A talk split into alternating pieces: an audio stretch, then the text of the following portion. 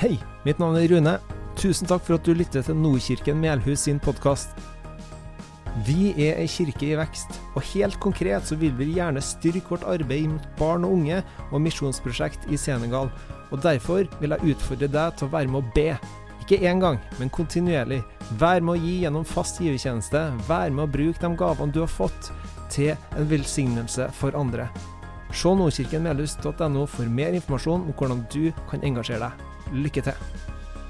Fantastisk å se dere alle sammen. Fallhøyden er stor, men jeg tenkte at her må jo alle tiårene være representert, alle generasjoner. Men jeg tør ikke å peke på folk. Men det er artig å se at det er så mange generasjoner som er samla til gudstjeneste. Det er jo et bønnesvar. Absolutt. Jeg heter Rune, pastor i Nordkirken, ja. Og det kjenner jeg er et ærefullt oppdrag. Utrolig artig. Mye bra som skjer. Høsten te høstens tema, det er sendt. Nei, høsten. Vårens tema er sendt. Men høstens tema var bønn, og det passer egentlig ganske bra. Jeg håper at kanskje har det vært til inspirasjon til deg. Kanskje har du lært noe, fått litt nye perspektiver, forhåpentligvis anvendt og erfart gleden og viktigheten av bønn. Og bønn er viktig å ta med videre, også inn i det temaet her som heter sendt. Vi som er etterfølgere, vi er sendt ut, ut til verden for å vitne om Jesus, og for å forkynne evangeliet. Og så vet ikke jeg hvordan du forholder deg til det, om du er bevisst på det oppdraget, eller om du tenker at det er stort og uangripelig, kanskje litt skummelt også. Kanskje skremmende. Og hva det betyr. Hva det betyr å være sendt, og hvordan det ser ut i praksis. Hva det betyr for vårt liv og Nordkirka Melhus, det skal vi se litt nærmere på i vår. Før jeg går videre, så skal vi sammen lese Jesus' siste ord til disiplene, før han skulle forlate dem og stige opp til himmelen. Når du forlater noen, så er det ofte at du veier dine ord. Da sier du gjerne det viktigste. Og Det tror jeg også Jesus sa. Det finner vi i Matteus 28, 18–20. Da trådte Jesus fram og talte til dem. Jeg har fått all makt i himmelen og på jord. Gå derfor ut ikke ut. Gå derfor og gjør alle folkeslag til disipler. Døp dem til Faderens og Sønnens og Den hellige ånds navn, og lær dem å holde alt det har befalt dere. Og se, jeg er med dere alle dager inntil verdens ende. Her har vi misjonsbefalingen, oppdraget som Jesus gir sine disipler så syns jeg det er litt eh, interessant å se hvordan Jesus kapsler inn dette oppdraget ved å si at jeg har fått all makt i himmelen og på jord. Og så sier han til slutt at jeg er med dere i det her. Jeg er med dere i oppdraget, i utsendelsen. Allmaktens Gud er med. Hva er oppdraget? Jo, gå ut til alle folkeslag. Her er det ingen begrensning på nasjonalitet, på alder, på sosial status, på generasjon, historie. Hva betyr det? Og gjør disipler, da.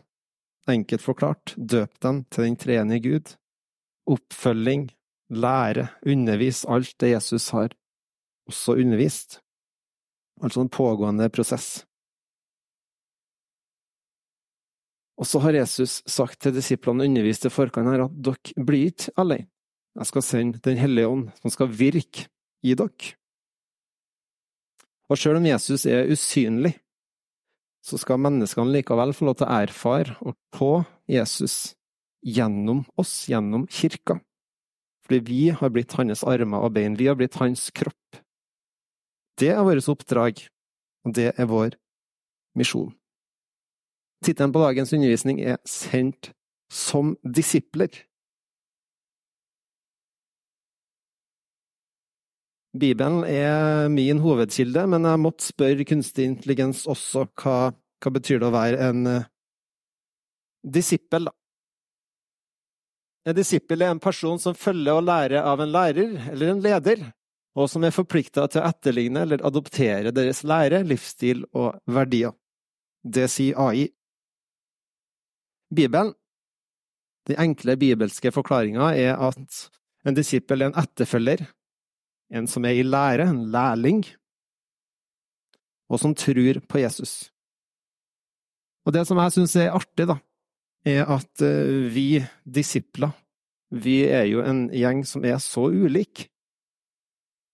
Ulike i alder, ulike i utseende, ulike i interesser, ulike i bakgrunn, i historier, i egenskaper og talenter, og likevel så samles vi til fellesskap og prøver å fungere sammen. Likevel så elsker vi hverandre, i hvert fall i teorien. Det er en Det er en livsstil. Det å være en disippel er en livsstil. Min rolle som pastor, det ser jeg på som en livsstil. Ja, det er også en jobb, den har noen instrukser og forpliktelser. Men jeg ser på det som en livsstil og som et ærefullt oppdrag som jeg så heldig å få stå i akkurat nå. Tidligere i høst så satt jeg på kontoret og jobba, og så ser jeg Marianne kommer med noen delegater fra kommunen som skal her og befare bedehuset. Skulle låne ut eh, bedehuset til kommunen. Og så går jeg ut og har lyst til å hilse på dem og se hva som skjer. Marianne presenterer sine kolleger, og så hilser vi. Og så presenterer hun meg for dem. Her er pastoren min, sier hun. Og så, etter jeg hilsa på noen trivelige folk, så går jeg tilbake så tenker jeg pastoren min, det Jeg har aldri blitt presentert som det før. Og så sier det meg noe om Mariannes eh, tilknytning til både kirke og, og bygg, for så vidt. Og så fikk jeg en sånn, så ble det en sånn påminnelse for meg, da og en bevisstgjøring på også mitt ansvar. Ja, jeg er faktisk pastor for flere. Og så førte jeg meg inn i en sånn eh, bønn for menigheten. Og i den perioden så jeg, fikk jeg veldig fred over eh, Ja, kall det oppgaver, da. Og en fred over at min hovedoppgave er ikke å gjøre Nordkirken Melhus til en trivelig plass å være Tenk at eh, jeg fikk fred over det. Men det behøver ikke å si at det er feil. Det tenker jeg er en frukt. Det skal være glede og halleluja og alt det der. Men min hovedoppgave er å lede, og det å forkynne Guds ord og Hans vilje ut ifra Guds ord. Og det å utfordre til etterfølgelse etterfølgelse av Jesus. Etterfølgelse av Jesus, det Det skjer ikke om man bare skal ha det trygt og godt. Da legger jeg trykk på 'bare'. Om vi stadig, om vi stagnerer da, i komfortsonen, den trygge plassen, den tryggeste plassen, som vi stadig vekk trenger å vende tilbake til. Ja, vi trenger dem. Men om vi blir sittende fast i komfortsonen vår, så blir resultatet det Bibelen kaller lunkenhet. I komfortsonen så er vekstvilkårene minimale. Til og med hvis vi tar Gud ut av bildet her. Hvis vi stadig, hvis vi stagnerer inn i komfortsonen vår, så tror jeg vi slutter å utvikle oss som mennesker. Da tror jeg vi utsletter oss sjøl. Og så har alle sammen ulike komfortsoner. Min komfortsone eller én av mine komfortsoner er det hjemmet mitt med familie, med kone og barn. Og så kanskje uten barn også. I sofaen med kone, og så kanskje bytter vi ut kona med en pakke cheese doodles og en god film. Det er en sånn komfortsone som jeg trekker til og, og trenger men dersom jeg har blitt værende der, da hadde jeg, ikke, da, da hadde jeg nok utsletta meg sjøl. Fordi at jeg kommer til å bli gal. For man trenger det her samspillet mellom mennesker. I komfortsonen så er vekstvilkårene minimale. Det å oppdra barn er kanskje et, et, bedre eksempel i forhold til vekst, da. Hvis vi ikke utfordrer barna på det ubehagelige, på det vanskelige, ting som kan være vondt, ut av komfortsonen, så vil de også slutte å vokse som mennesker. Unger må gjennom utrolig mye ubehagelig. For de må ut av komfortsonen for å forstå det her og lære seg samspillet mellom mennesker og det å være en del av et samfunn. Og akkurat sånn er det med vår etterfølgelse av Jesus også. Hvis du har vært kristen lenge, så er det ikke sånn at når du blir 40-50 år, så kan du henge opp en diplom og si at nå har jeg klart det, nå har jeg mestra disippellivet. Nå kan jeg trekke meg tilbake, trekke meg ut og bare være og observere. Jeg tror at du da Jeg tror at du faktisk da egentlig ser hvor langt unna Guds standard du egentlig er, når du har vært kristen en stund. Det å vokse som kristen kalles helliggjørelse. Det er det Bibelen kaller helliggjørelse. Bibelen, og det, helliggjørelse, det er en modningsprosess der Den hellige ånd leder, ved hjelp av Den hellige ånd. Jeg skal komme mer tilbake til det. Bibelen bruker ofte et bilde på Gud som far, som oppdrar sine barn. Om du ikke har barn sjøl, så vil du kanskje likevel forstå at som foreldre så må man la barna gå gjennom vonde ting, fordi at barna får seg erfaringer, de vokser på det. På Jesu tid når man skulle rense gull, så måtte de ha eh, ild, høy varme.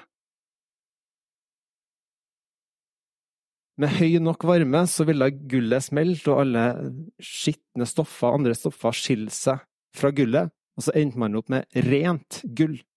Det var på målet. Å vokse som kristen handler om renselse. Bibelen snakker mye om det. Gud, vår Far, lar oss gå igjennom lidelser og prøvelser for at vi skal vokse. Ikke forveksle det her med fristelser, det er ikke sånn at Gud sender fristelser for oss til fall. Men han tillater noen gang at vi opplever lidelser, nettopp fordi at det skal føre til noe. Gud har et helt annet perspektiv enn oss. Der vi ser håpløshet, så kan han se en mulighet til å bygge relasjon. En mulighet til å gjøre deg mer avhengig av han, en mulighet til å gi, gi deg tålmodighet i bønn, en mulighet til å styrke din tillit og relasjon til han. Men han vil ikke føre deg til fall. Her i Nordkirken vil du bli utfordra på Guds ord utfordra på å aktivt handle, utfordra på å ta steg utafor komfortsonen, utfordra på omvendelser vekk fra det som er vondt og ikke bra for deg. Når vi som menighet gjør det, så vil vi se større ting. Da vil vi se mer av Gud, Hans rike, i eget liv og iblant oss. Det å vokse som kristen, det er kjempespennende. Det å vokse som menighet, det er kjempespennende, Helliggjørelsen er spennende, men hvis vi blir stående fast i komfortsonen altfor lenge, så kan det bli farlig for oss. Da kan vi bli lunkne, og da er ikke vekstvilkårene så gode lenger. Generalsekretær i Nordmisjonen, Kjetil Westel Haga, tegna et bilde til meg en gang. En illustrert eh, helliggjørelse og forskjellen på helliggjørelse og rettferdig gjørelse. Jeg har ikke hatt en hel tale på det, men jeg skal bare si litt og vise fram denne illustrasjonen, for jeg syns den var, hadde et godt poeng. Helliggjørelse, er en prosess om å bli mer lik Jesus. Det er det som er målet. Og det skjer i livene våre, det skjer i hjertene våre, det skjer i samspillet med mennesker. Og det er det som er, kalles å være en disippel, en etterfølger. Da går man gjerne fra umoden på den første delen av skalaen, og så modenhet utover. Og en moden kristen vil eh, mest sannsynlig handle mer etter Guds vilje enn en umoden kristen som nettopp har blitt kristen. Og så tegna Kjetil en strek over den her vertikalt rettferdiggjørelsen. For å vise at det er et skille, at det er to forskjellige ting. Rettferdiggjørelsen, ja, det er det som gjør oss rettferdig. Rettferdig for Gud. På dommens dag så skal Gud ta et oppgjør med alt som er vondt. Og vi, vi er lovt en rettferdig dom. Alle mennesker skal dømmes. Alle mennesker dømmes etter det de har gjort. Og vi som lever i Vesten, vi som lever i rikdom og velstand, vi forstår ikke helt det her, at det her er noe positivt. Miroslav Wolf det er en kroatisk eh, teolog og professor. Han har eh, skrevet en bok om de fryktelige hendelsene i Balkankrigen på 90-tallet. Der snakker han om dom og hva det betyr for dem som er behandla urettferdig. Og så lar han leseren få sette seg inn i en kristen manns perspektiv og historie. Dersom du har opplevd at dine døtre er blitt kidnappa og voldtatt, dine sønner halshugga og hjemmet ditt brent ned, og du fortsatt er i live, og, og du, blir fortalt at det ikke skal være noe dom, dem som har gjort det her mot deg, skal ikke dømmes. At Gud bare er kjærlighet, eller at det ikke finnes noe Gud. Hvor finner man da kilden til moral, kilden til rett og galt? Er det menneskers følelser? Så man tar Gud ut av bildet, da.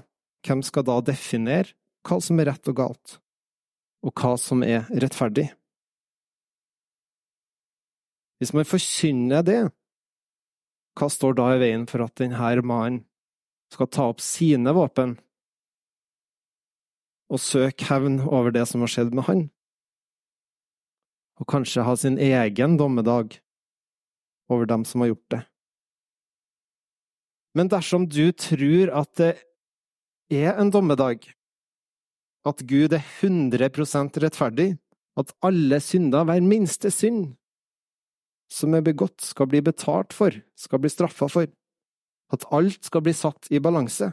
Hvis du tror det, da eier du noe som er sterk nok til å la våpnene ligge, og gi det her ansvaret til Gud, og ikke søk hevn sjøl, fordi den dommen ligger hos Gud.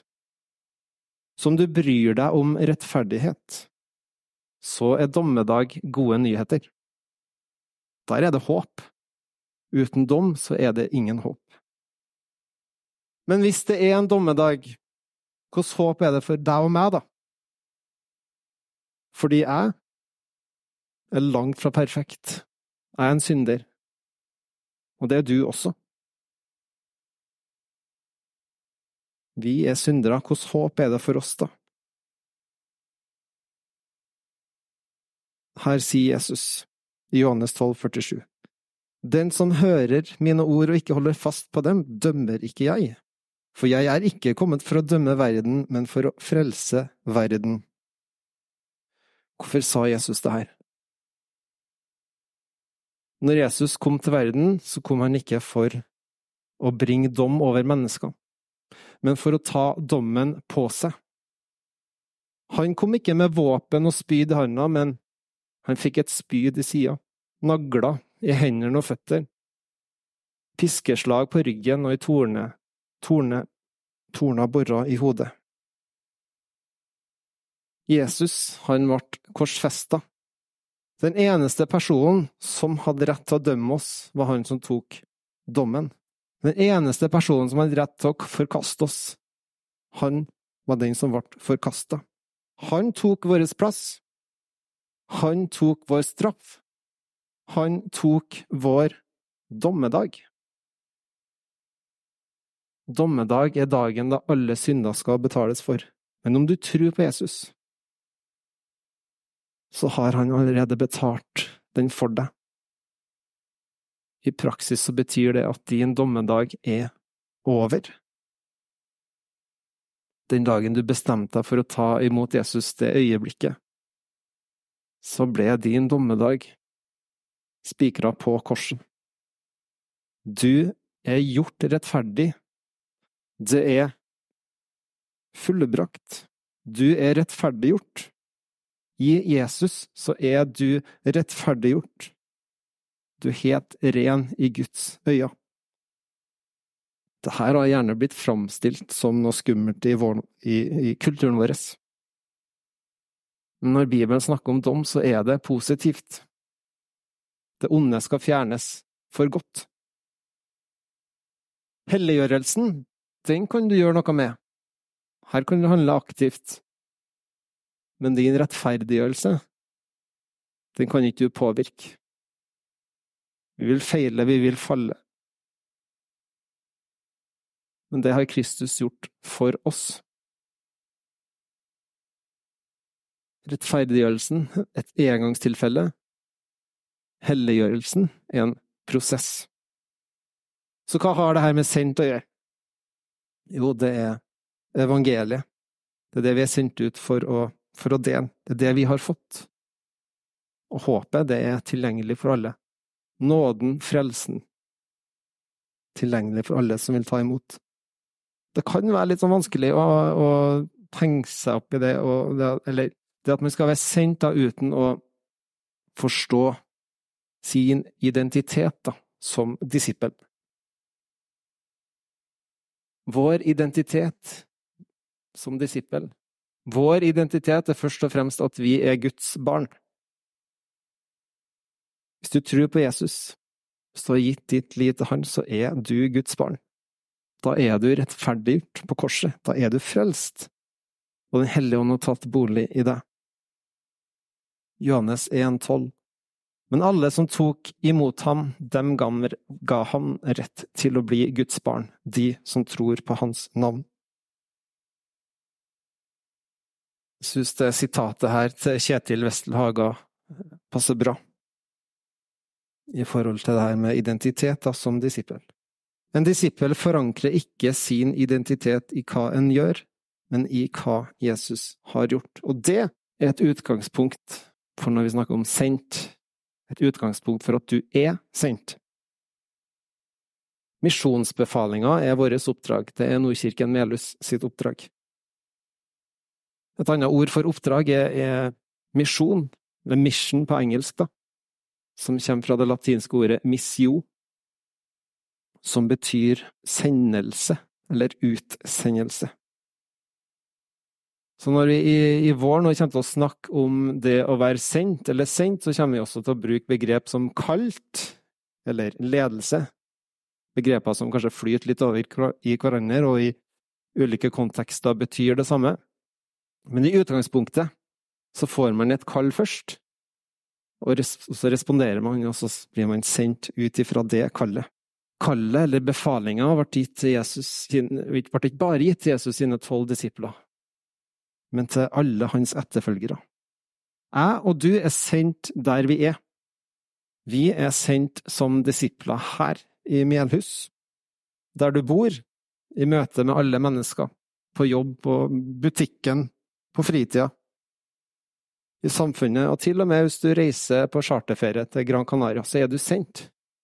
Det er ikke sånn at man legger fra seg Den hellige ånd og kommer tilbake til Han, men det er en livsstil, det er en prosess. Og vi er sendt med et fantastisk budskap. Du er sendt med et fantastisk budskap. Du er sendt med gode nyheter. Og Guds løfte er at vi skal ikke bli sendt ut tomhendt. Alle er vi sendt med noen. Og du er sendt med kirka di. Du er helt avhengig av kirka di. Jeg trenger kirka, og Eller du trenger kirka, og kirka trenger deg, som Øystein så fint sa i en tale her. Det å tro på en Gud som vi ikke ser med øynene eller hører auditivt, det kan være utfordrende. Men vi trenger kirka for, at, eh, for å høre Gud snakke gjennom gjennom de andre troende som vi kan bygge en relasjon til. Som igjen oppmuntrer oss, lærer oss, utfordrer oss, holder oss ansvarlig. Mitt småfellesskap eller husgruppe er et eksempel på en sånn arena, der jeg kan leve tett på noen. Jeg har lest flere, har lest flere uavhengige eh, forskninger i det siste, der de har forska på kirkegjengere, og det syns jeg er interessant. Og resultatet er ganske positivt, egentlig. At det er god, mange gode helsefordeler med å være aktivt eh, i en, en menighet. Og det som går igjen, da, er at uh, Det som går igjen, er mening og hensikt med livet. Det har en stor betydning på mennesker. Men det betyr ikke at kirkene er feilfri. Det betyr ikke at det, problem, at det ikke er problemer i kirka, for den består av mennesker. Forutsetninga for ei kirke, i mine øyne, er at det er etterfølgere som, som har Jesus i sentrum og som genuint ønsker å bli bedre kjent med Han, og bli som Han. Kirka skal være en plass der syke, ødelagte, avhengige, syndefulle mennesker som meg kan få lov til å komme og erfare Guds godhet, Guds helbredelse og Guds nåde. Så jeg har lyst til å invitere deg til å være med og bygge kirke her på Melhus. Hvis du ønsker eierskap og tilhørighet, så vil jeg anbefale at du blir en fast giver, at du blir med i en tjeneste. Gud har gitt hver enkelt ulike egenskaper og talenter som er ment til å bruke i fellesskapet. Så vil jeg anbefale deg til å bli med i ei smågruppe, der man kan dele liv og bekjenne synd med hverandre. Hvis du gjør det her, så lover jeg at det vil skje at det her vil gjøre noe med deg, det vil gjøre noe med folk rundt deg, det vil gjøre noe med menigheten. Så vil jeg utfordre deg til å be i vår. Be om at Gud skal vise deg tydelig hvem eh, du er sendt til, hvor du er sendt, be over hva du er sendt med, og hvem du er sendt med. Hvis du synes det her høres utfordrende ut, skummelt ut, så ta også med det til Gud i bønn. Gud kommer ikke til å sende deg til et land langt vekk for å bli misjonær dersom du kjenner at det, det, det skal ikke jeg. Jeg kommer ikke til å sende deg til Melhustorget med en megafon hvis du kjenner at det skal ikke jeg gjøre. Men kanskje du blir utfordra. Det kan hende. Vi som menighet skal også sende disipler ut, ut til alle folkeslag.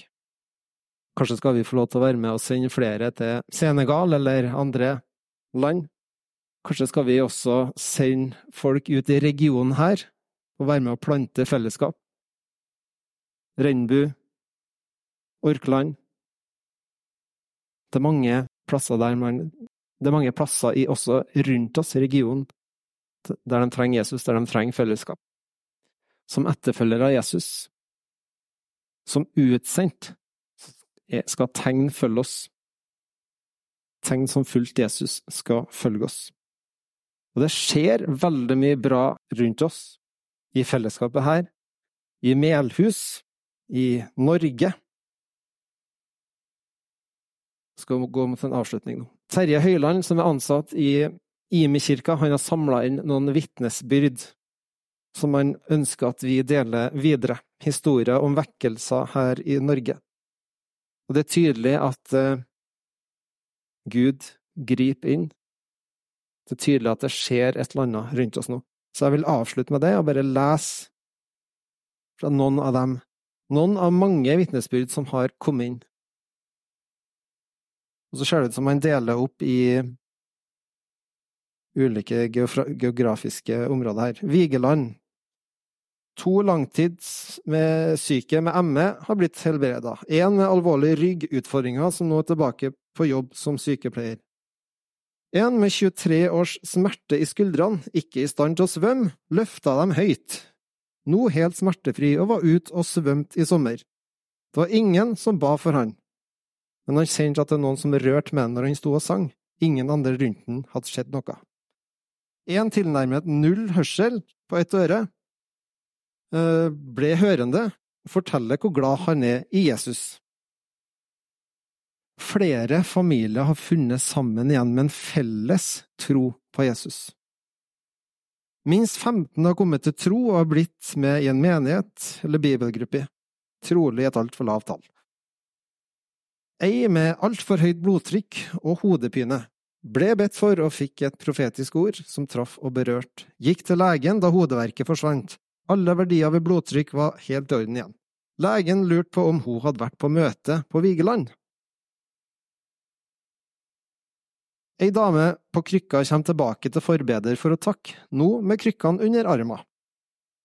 Flere ble fri fra alkoholavhengighet og fra Vegårshei over 65 har tatt imot Jesus. Dame med demens ble helbreda, lege fant ikke spor på test og ble tatt av medisin. En av de kristne parkerte bilen nær et hyttefelt, satt med åpen dør og leste Bibelen. To menn fra en av de andre hyttene kom forbi. Ja, du sitter her og leser Bibelen, sa de til han. Jo, han gjorde det. Plutselig så avbrøt de og sa unnskyld, vi må bare snakke om noe, og så gikk de bort og diskuterte. Han kristne ble usikker og begynte å be. Etter en stund kom de tilbake og spurte, er det sånn at du kan hjelpe oss å bli kristne? Ja, det kunne En mann satt på bedehuset og hørte plutselig Gud si gå ut herfra, du må gå ut. Han gikk ut, satte seg i bilen, og så kjørte han til neste kommune, Gjerstad, og besøkte Eh, hytte som Gud hadde vist den. Han visste hvor hytta var, men han visste ikke hvem som bodde der. Men han kjørte dit i lydighet. Han banka på, og en mann åpner. Mannen på innsida sier, Ja, der er du. Gud sa at du skulle komme hit og sende oss, send noen til oss i dag som kunne be oss, familien, til frelse. Hele familien tok imot Jesus. Sula Smerte i rygg siden bilulykke for ti år siden. Operasjon ikke mulig. Sterke smertestillende i alle årene. Var på helbredelsesseminar under åpen himmel, og under forbund kjente han et spark i ryggen, så smert, og så var smertene bort. Tok ikke smertestillende på kvelden, slik han bruker. Sov godt hele natta, tok ikke smertestillende på morgenen. Fremdeles ingen smerte. Eldre dame med langt fremskreden demens snakker, snakker ikke, husker ikke sine nærmeste. Vi ba med familien, og så gikk de på besøk. Dag én, hun husker plutselig datterens navn. Hun snakker og er mer til stede. Dag to, snakke om tidligere ferie og si at det er varmt i Spania. Stavanger, flere som kommer og spør om å bli kristne. En cøliaki Helbreda. Søgne. 110 stykk på alfakurs. En dame som ble kristen, inviterer med seg elleve venner på kurset. Ja, lista er lang. Men det her er tegn som skal følge oss disipler. Det er folk som er utsendt på sine steder.